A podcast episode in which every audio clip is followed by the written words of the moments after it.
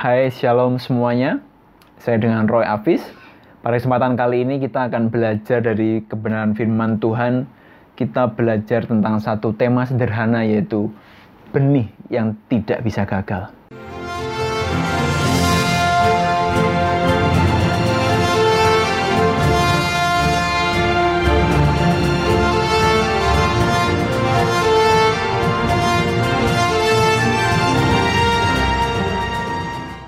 Apa yang dimaksud benih tidak bisa gagal? Yuk, kita sama-sama buka di Matius 13.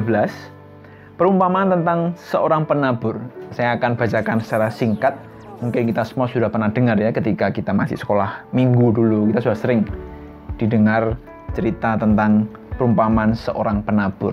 Jadi ada empat penabur. Yang pertama adalah pada waktu yang menabur sebagian benih itu jatuh di pinggir jalan Lalu datanglah burung dan memakannya sampai habis. Ini penabur yang pertama. Yang kedua adalah sebagian lagi jatuh di tanah yang berbatu-batu, yang tidak banyak tanahnya. Lalu benih itu pun segera tumbuh karena tanahnya tipis tapi sudah matahari terbit, layu dan menjadi kering dan tidak berakar dan akhirnya mati. Yang ketiga adalah benih yang jatuh di tengah semak berduri Lalu makin besarlah semak itu dan menghimpitnya sampai mati. Dan sebagian yang keempat adalah benih yang jatuh di tanah yang baik. Ada yang berbuah 100 kali lipat, 60 kali lipat, 30 kali lipat. Nah, kita belajar dari empat penabur ini. Apa yang mau dikatakan firman Tuhan tentang empat penabur ini? Kita sama-sama lihat di Matius 13 ayat yang ke-18. Saya akan bacakan dulu. Karena itu dengarlah arti perumpamaan penabur itu. Kepada setiap orang yang mendengar firman tentang kerajaan surga tapi tidak mengerti, datanglah si jahat dan merampas yang ditaburkan dalam hati orang itu. Itulah benih yang ditaburkan di pinggir jalan. Nah, kita berhenti dulu di sini. Pertama tadi benih yang ditabur di pinggir jalan. Di sini jelas dikatakan bahwa setiap orang yang mendengar firman tapi tidak mengerti. Nah, kita garis bawahi di sini. Tidak mengerti, maka datang si jahat dan merampas. Nah, akhirnya percuma juga. Apa yang mau saya katakan adalah firman Tuhan itu adalah benih yang tidak bisa gagal. Karena apa?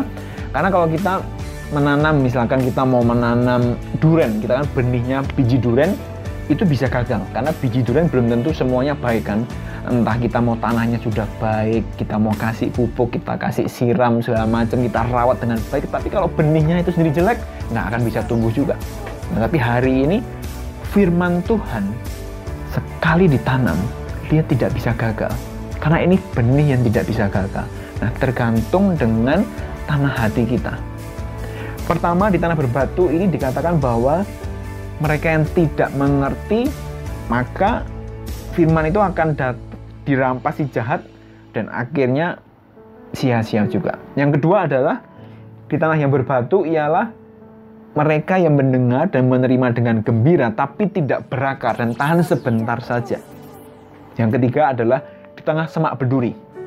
Jadi ketika firman itu ditabur masuk dalam semak duri karena semak duri itu menggambarkan kekhawatiran dan tipu daya kekayaan dunia ini yang akhirnya menghimpit dan akhirnya membuat firman itu tidak berbuah juga kesempatan ini kita mau belajar untuk kita menjadi tanah yang baik. Kenapa? Karena firman Tuhan ini adalah yang mengubahkan kita dari dalam. Kita lihat kebenarannya di Markus 4 ayat ke-13 dulu ya.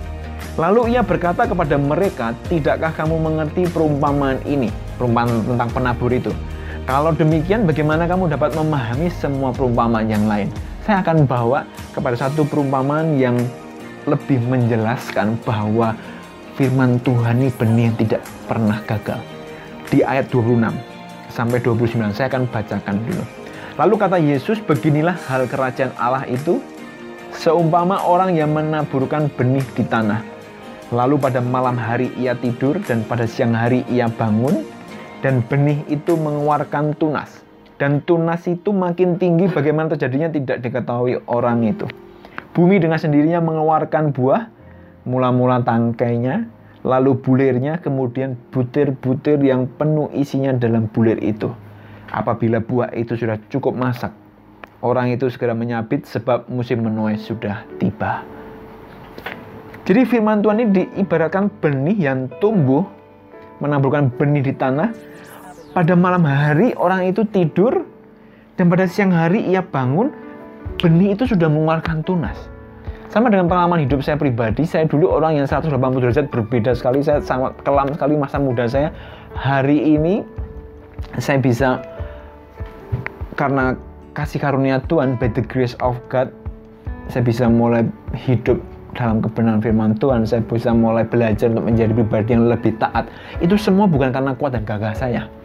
Tapi karena ada benih yang masuk ke dalam hidup saya, dalam hati saya. Dan benih itu adalah firman Tuhan dan dia tidak bisa gagal. Dan itu yang mengubahkan saya. Jadi pada teman-teman semua juga ketika kita memasukkan benih yang tidak pernah gagal itu firman Tuhan sendiri. Karena ada tertulis pada mulanya adalah firman dan Allah bersama-sama dengan firman dan firman itu adalah Allah sendiri ketika itu ada dalam hidup kita dan karena firman itu adalah senjata kekuatan Allah maka firman itu sendirilah yang mengubahkan kita dari dalam. Semua bukan karena kuat gagah kita, tapi karena kekuatan firman itu sendiri. Dan perumpamaan ini kan kita belajar orang ini nggak tahu bagaimana firman itu bertumbuh dalam kehidupannya, bagaimana firman itu telah mengubahkan hidupnya, bagaimana firman itu telah berbuah berkali-kali lipat. Dia nggak tahu, dia nggak sadar bahkan karena dia tidur Siang hari ia bangun, benih itu sudah mengeluarkan tunas. Emang tunas mula-mula kecil. Lalu kemudian makin tinggi, makin tinggi. Di sini tertulis bagaimana terjadinya tidak diketahui orang itu. Bumi dengan sendirinya mengeluarkan buah. Mula-mula tangkai, lalu bulirnya, kemudian butir-butir yang penuh isinya dalam bulir itu. Nah, dalam renungan sederhana ini kita mau belajar kita mau lebih dalam lagi masuk di dalam kebenaran firman Tuhan. Tadi di awal sempat saya singgung, barang siapa yang tidak mengerti, membaca tapi tidak mengerti, percuma juga.